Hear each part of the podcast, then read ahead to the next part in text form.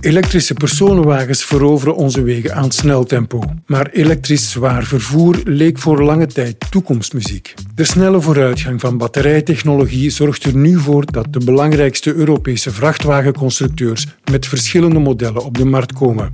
Maar elektrische vrachtwagens zijn duur en de levertermijnen zijn lang in vergelijking met de klassieke dieseltrucks. De oplossing? Bestaande dieseltrucks ombouwen naar e-trucks. Hoe ver staan we hiermee? Ik ben Wim van den Einde en dit is Duurzaam Innoveren, de podcast van Vlaanders Make over technologische innovaties. Ons doel: een gedigitaliseerde, duurzame en competitieve industrie creëren. We praten hierover met Jan Brakke van Etrova en Patrick de Bal van Flanders Make. Welkom heren. Patrick, misschien om te starten is iets zeggen over de noodzaak van deze transitie. Waarom moeten we dit doen? We moeten de uitstoot van broeikasgassen reduceren om de opwarming van de aarde uh, tegen te gaan. En de transportsector is een belangrijke uitstoter van die broeikasgassen. En door over te schakelen op elektrische vrachtwagens die geladen worden ook met hernieuwbare energie, kunnen daar eigenlijk de broeikasgassen nagenoeg volledig elimineren. Mm Dus we moeten eigenlijk. Ja, dat denk ik wel. Jullie hebben samen een prototype gebouwd. Klopt dat? Dat klopt. We hebben vorig jaar een oude dieseltruck gekocht. Een Volvo FH, die was zes jaar oud, 770.000 kilometer.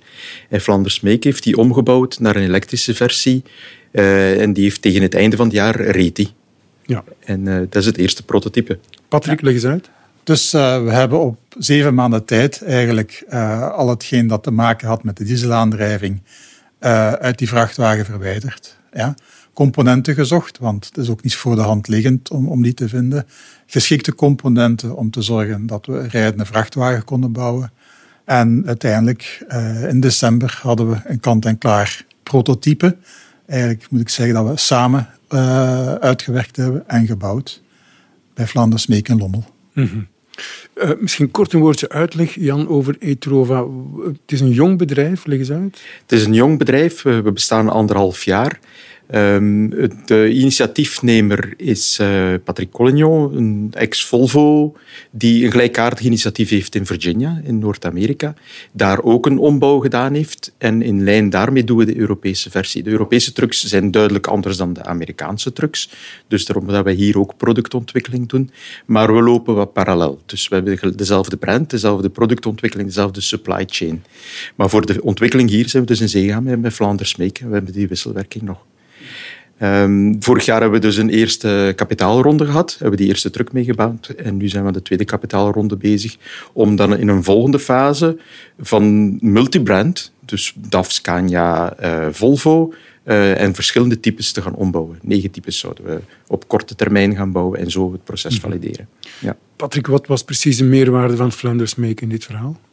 Wel, als een bedrijf bij ons komt aankloppen in het algemeen, dan kijken we waar staat het bedrijf vandaag, waar willen ze naartoe, welke kennis hebben ze intern in huis en, en wat komt er nog, te, oh, komen ze nog tekort. En dan proberen wij daar een oplossing voor te bieden om te zorgen dat het bedrijf eigenlijk zo snel mogelijk uh, op snelheid geraakt het is ook de bedoeling dat wij die dienstverlening bij wijze van spreken eenmalig doen. Dus het is niet zo dat we een ontwikkeling doen aan het bedrijf geven en verwachten dat de volgende keer terug bij ons komen aankloppen. We zetten hen op weg om zelfstandig daarna verder te gaan. Mhm. En dat lukt, Jan? Wel, we zijn nog met de oprichters. We zijn met zes oprichters. En uh, ik ben de meest technische van de zes. Dus ik begrijp wat die doen. En we moeten dat wel ook absorberen, ik zal het zo zeggen. Wel, mm -hmm. um, dus de samenwerking verloopt zeer goed. Ik heb er ook zelf veel bij geleerd. Uh, de bedoeling is nu ook wel dat we een eigen ingenieursteam gaan, gaan opzetten voor dat te gaan absorberen. Ja. Mhm. ja. ja. ja. Uh, dit is vrij nieuw eigenlijk, hè? het elektrificeren van zo zwaar vervoer. Hoe komt dat dit de laatste jaren zo snel ontwikkelt? Wel, ik denk dat de, de batterijtechnologie daar bepalend voor geweest is. Uh, met de lithiumbatterijen is de energiedensiteit veel hoger en maakt het dus mogelijk om genoeg batterijen in die truck te gaan stoppen. En we wensen dat eigenlijk te doen op de plek waar dat, uh, de dieseltank en de naverbranding van de dieselmotor is. Dus tussen de wielen en naast de chassisbalk is voldoende plek voor batterijen op te hangen. Uh, we wensen die batterijen te gaan leveren modulair, grofweg 100 kilowattuur per pak Eén links, links, rechts voor gewichtsbalancering. Dus we hebben oftewel 200, 400 of 600 kilowattuur. En als je dan rekent met een verbruik van 1,2 kilowattuur per kilometer, kan je zo grofweg wel de range rekenen. Afhankelijk van de belading, van de druk, van de hellinggraad en dergelijke dingen. Mhm. ja, want wat is het bereik van zo'n uh, elektrische we, we, gaan voor 300 kilometer. Dat is uh, perfect haalbaar. Ja, ja? absoluut. Ja, ja, ja. 40 ton truck met de nodige hellingen die, die er ook in België zijn. En de, je kan niet een, een, truck in Vlaanderen verkopen en zeggen je mag niet naar Wallonië rijden, dus dat gaat niet. Mm -hmm. Dus nee, 300 kilometer is zeker haalbaar. Ja. En uh, het hangt een beetje af van het, uh, het gebruiksprofiel. Uh, de bedoeling is om, we noemen dat thuislapers, dus een truck die voldoende tijd heeft um, om aan een lagere vermogen te gaan opladen. Dus de elektriciteit is dan goedkoper. Uh, en dat maakt dat hij dan 300 kilometer zou rijden. Als je zegt, doe long haul, dan moeten we tussenladen. Mm -hmm. Dus de batterijtechnologie, dat is het belangrijkste criterium geweest om dit te kunnen versnellen. Zeg maar. ja. ja. elektrische tractie, als je kijkt naar onze treinen, hè, die hebben wel geen batterijen. Ja, elektrische tractie kennen we al zo lang. Dus die vermogens was perfect uh, mogelijk. Het was zorgen dat je eigenlijk, uh, zonder dat je aan een stopcontact hangt of aan een bovenleiding, dat je voldoende kilometers kunt rijden. Mm -hmm. Het is ook zo, die vrachtwagens die 300 kilometer per dag doen, dat is een belangrijk deel van het totaal. Hè. Dus we, hebben, we zien veel vrachtwagens op de snelweg. We denken altijd, die doen 1000 kilometer per dag. Hè. De meeste vrachtwagens rijden geen 300 kilometer per dag. Dus dat kan al perfect afgedekt worden. Ja, dus voor het binnenlands transport? Ja. Uh, voor langafstandtransport denken we aan vrachtwagens die eigenlijk... Uh, ja, een vrachtwagenchauffeur mag maximum 4 uur en half aan een stuk rijden.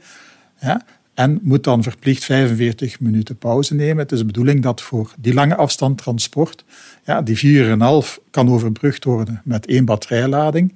En dat dan bij die stops de vrachtwagen zijn batterij dus kan, kan bijladen, zodanig dat de chauffeur de, de volgende 4,5 uur en half verder kan rijden. Dat is eigenlijk een voordeel, want dan verplicht je eigenlijk vrachtwagenchauffeurs van die veiligheidsstops eigenlijk, want het is vooral om veiligheid te doen, uh, dat die inbouwen. -hmm. Ja. Batterijen zijn zwaar. Ze hebben een zeker gewicht. Heeft dat een effect op uh, ja, hoe zo'n truck kan geladen worden? Heeft het een effect op wat hij kan zijn laadvermogen? Ja, dat is een terechte opmerking. Um, tot ongeveer de range van 200 kilometer is het, gelijk, het belaadvermogen gelijk. Is het onafhankelijk. Als je zegt ik kan naar een lange range, dan boet je een beetje in in laadvermogen 1 à 2 ton. Voet je erin. Nu, een belangrijk deel van de trucks is niet het, het, het laadvermogen, is eigenlijk het volume gerelateerd. Dat is afhankelijk van de gebruikscases. Dus als je een truck vollaat met uh, biervaten, dan zal die op 40 ton wegen. Als je die vollaat met pampers, zal ik maar zeggen, of met chips, ja, dan kom je niet aan die 40 ton. Dan maakt het eigenlijk niet zoveel uit. Mm -hmm. Ja. Is het betaalbaar om dit te doen? Wel, een nieuwe elektrische vrachtwagen ja, kost heel wat meer als een uh, dieselvrachtwagen. Maar over verloop van tijd, omdat elektriciteit eigenlijk goedkoper is en ook een elektrische vrachtwagen heeft een veel hoger rendement als een dieselvrachtwagen. Als je naar de total cost of ownership kijkt over de volledige levensduur van een vrachtwagen, dan gaat een elektrische vrachtwagen goedkoper zijn. Mm -hmm. Maar de oplossing die, die het Roven aanbiedt is ook wel interessant, maar ik laat dan Jan over om daar de uitleg te geven. Een elektrische vrachtwagen, een nieuwe elektrische vrachtwagen, is zeer duur grofweg 350.000, 400.000 euro voor een heavy-duty truck. Een nieuwe dieseltruck daarentegen kost 150.000 euro. Dus voor een transporteur dat betekent dat eigenlijk wel wat. Wat wij nu eigenlijk aanbieden, is dat die bestaande dieseltruck een tweede leven kan hebben als een elektrische truck. Aan grofweg een kost een derde lager dan de, de nieuwe elektrische truck. En het ondersteunt dus ook het, het circulaire verhaal. Want aan die truck die, die dan vijf jaar gereden heeft of zoiets. Dat chassis is nog goed, die assen zijn nog goed, die remmen zijn nog goed, die cabine is nog goed. Dus we gaan dat allemaal gaan hergebruiken. En inderdaad, de total cost of ownership is inderdaad lager bij een elektrische truck uh, dan, dan bij een dieseltruck. Ja. ja. Maar dus bij een omgebouwde truck is het nog lager, neem ik aan. Dan. Ja, is dat nog lager, ja, absoluut. Ja. ja. Want uh, er is natuurlijk het economische element van heel dit verhaal, maar er, is, er, is ook de, er zijn de klimaateisen die worden gesteld, ook aan de transportsector. Is dat een belangrijk? Maar dat dat een belangrijk element is in het verhaal. Wel, daar komt eigenlijk het initiatief van. Iedereen kent de Green Deal met de grote doelstellingen naar emissieverlaging van zowel CO2 als NOx. Uh, die zijn op zeer korte termijn moeten er enorme reducties gaan doen. Nu, de transportsector is de, de grote emittent van, van, van CO2, ik zal het eigenlijk wel zo zeggen. Dus de elektrificatie van transport is eigenlijk veel crucialer dan dat van personenwagens. Nu, um, alle OEM's, de Volvo's, de DAF, de Scania's, hebben allemaal een elektrische truck. Wat is een OEM? Een, een origineel equipment manufacturer. Ja. Mm. Dus de, die hebben allemaal een elektrische truck, wel aan die hoge kost. Maar die hebben niet de capaciteit om snel die transitie te gaan maken naar een CO2-vrije transport. Ik zal maar zeggen, als alle truckbouwers nu overschakelen naar 100% elektrische trucks, dan duurt het nog 25 jaar voor heel het wagenpark in Europa groen is. Dus wij bieden die tussen op oplossing aan. En beide kunnen perfect naast elkaar bestaan. Een nieuwe elektrische truck en een repowered D2E-truck. Mm -hmm. D2E diesel naar elektrisch. Ja. Dus als we naar de klimaateisen kijken, is dit eigenlijk iets wat dwingend zal worden na verloop van tijd, Patrick? Ja, ik, ik, denk dat we daar geen keuze hebben. Dus als we willen afstappen van fossiele brandstoffen, ja, hernieuwbare energie, zoals die geproduceerd wordt door windturbines, uh, zonnepanelen, stuwdammen, is elektrisch. Een deel zijn biobrandstoffen. Hè. Je kunt zeggen, ja, maar er is biodiesel. Ja, met biodiesel, dat is zo'n kleine hoeveelheid op wereldvlak dat je gewoon die vraag niet kan afdekken. Dus we gaan een hoofdmoot gaan naar uh, elektrische transport op de weg, personenwagens, vrachtwagen, bussen. Ja, en uh, dat is omdat het rendement daar ook veel hoger ligt. Hè. Dus je gaat elektriciteit rechtstreeks gebruiken om de batterijen te laden, weinig verliezen. Die elektrische aandrijving heeft ook een heel hoog rendement. Er zijn alternatieven waarbij men denkt aan, aan, aan waterstof gebruiken of e-fuels. Bij elke omzetting van elektriciteit naar waterstof en van waterstof terug naar elektriciteit of van uh, elektriciteit naar e-fuels en terug verbranden in de vrachtwagen, zijn zoveel rendementsverliezen dat de total cost of ownership eigenlijk uh, van een elektrische vrachtwagen uh, het laagste zal uitvallen. Dus dit is de meest uh, klimaatrobuuste oplossing, zeg maar? Ja, dat denk ik wel. Zeker voor Europa. In, in landen waar uh, afstanden veel belangrijker zijn. Ik zeg bijvoorbeeld, in Australië bijvoorbeeld zou het misschien wel anders kunnen liggen. Verenigde Staten zou het ook anders kunnen liggen. Maar in Europa zeker. Ook omdat men die corridors gaat uitrusten met snelladers. Men spreekt daar ook van waterstoftankstation om brandstofcelvrachtwagens te kunnen tanken.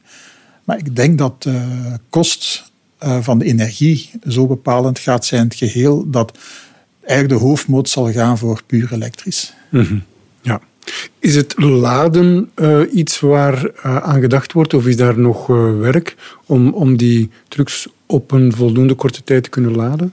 Uh, er bestaan vandaag al uh, laders van 350 uh, eh, kilowatt voor, voor ja, heavy-duty toepassingen. Die worden dan vooral gebruikt in busdepots en bij die vrachtwagens die ja, thuis slapen. Hè. Dus op de thuisbasis kunnen geladen worden s'nachts. langs de snelwegen dan spreekt men toch nog gemakkelijk van twee of drie keer zoveel vermogen. Dus orde grootte van een megawatt. Ja, technisch gezien is dat te doen. Maar het vraagt wel een investering en ook nog zorgen dat die megawatts ter plaatse geraken. Dus eh, als je spreekt over een, tankstation nu en je wilt daar gaan naar 20 laadpalen, ja, dat is 20 megawatt. Dat, dat is toch al een, een deftig vermogen dat je moet kunnen aanbieden. Dus qua infrastructuur is dat nog wel wat werk. Ja. Ja, dus de overheid heeft hier toch nog een, uh, een inhaalbeweging te doen. Ja, Europa is er ook mee bezig met uh, steunmaatregelen om te zorgen dat dat versneld kan uitgebouwd worden. Ja. Maar ook een transportbedrijf dat bijvoorbeeld zelf zonnecellen heeft, eventueel een windmolen, dat is een variabel gegeven. Maar het verbruik in een truck is ook een variabel gegeven. Men moet flexibel zijn naar de klanten wanneer de producten moeten getransporteerd worden. En om dat te ontkoppelen, moeten er waarschijnlijk ook batterijsystemen gebouwd worden, stationair batterijsystemen. Dat is een hele economie die, daar, die daarnaast in ontwikkeling is natuurlijk. Hè. Ja. Ja. Uh, wat je ook ziet, is dat er andere elektrische toepassingen zitten binnen een truck. Kan dat geïntegreerd worden bij de overgang van diesel, van fossiele brandstoffen, naar elektrische aandrijving? Bijvoorbeeld um, ja, airco-systemen of... Um... Wel, het is eigenlijk zo. Als we die dieselmotor eruit halen, op die dieselmotor zit de compressor die de, de, de, de, luchtdruk levert voor het tramsysteem. Ehm, dus er moet een elektrische compressor in geplaatst worden. Maar de rest van het remsysteem, dus al de luchtcilinders, de remmen, de klauwen, de regelsystemen, die blijven eigenlijk onveranderd. Het enige dat verandert is dat de compressor een elektrische compressor wordt. Hetzelfde met de stuurbekrachtering, dat is een hydraulische pomp, dat wordt een elektrische hydraulische pomp. En de airco-systeem is ook hetzelfde, dus dat moet ook geregeld worden op een elektrische manier. Dus al die, die nevencomponenten moeten ook die transitie ondergaan. Ja. En die integratie, dat is iets waar wij als Vlaanderen Smeek ook wel toegevoegde waarde gehad hebben in de ombouw van deze vrachtwagen omdat wij die, ja, die kennis hebben en ook die, die softwareontwikkeling, dat we daar de speciale tools voor hebben om dat eigenlijk redelijk snel te ontwikkelen. Mhm. Ja. Het is misschien het kleinste onderdeel, maar de control unit is, is maar, past op mijn hand, maar is wel de belangrijkste. Je moet voorstellen, een truck bestaat uit uh, een, een, motor, een transmissie en die hebben elk een control unit. De motor noemt de engine control unit. Maar we nemen die motor eruit. En die control units spreken allemaal met elkaar via een CAN-bus. Dus als er één weg is, dan klopt het communicatiesysteem niet meer. Dus er wordt een control unit nieuw ingestoken met een, met een software in die praat met alle bestaande systemen die er nog wel in zitten, van het remsysteem, van de airconditioning en dergelijke dingen meer. En die praat met de nieuwe systemen. En die combinatie van die twee groepen control units, dat is hetgeen dat Flanders Make echt wel ontwikkeld heeft. Mhm. Ja. ja. Um, hoe lang duurt het als ik een truck bij u aflever voor ik hem terug heb en hij is geëlektrificeerd? De, de fysieke ombouw plannen wij op 48 uur. Dat is grofweg. 48 uur, dat is bliksemsnel. Ja. Dat is bliksemsnel, ja. Dat is de fysieke ombouw. Natuurlijk, als een klant naar ons komt, dan starten wij met de informatie van die truck. Dan weten we welke assen dat erop zitten, welke ratios dat erin zitten, welk vermogen, welke gewichtsverdeling. En doen we de planning. En daar rekenen we dan die twee, drie maanden voor. En dan doen we de fysieke ombouw en dan zetten we hem terug op de weg. Maar de, de klant mist zijn truck voor die week slechts. Ja. Mhm.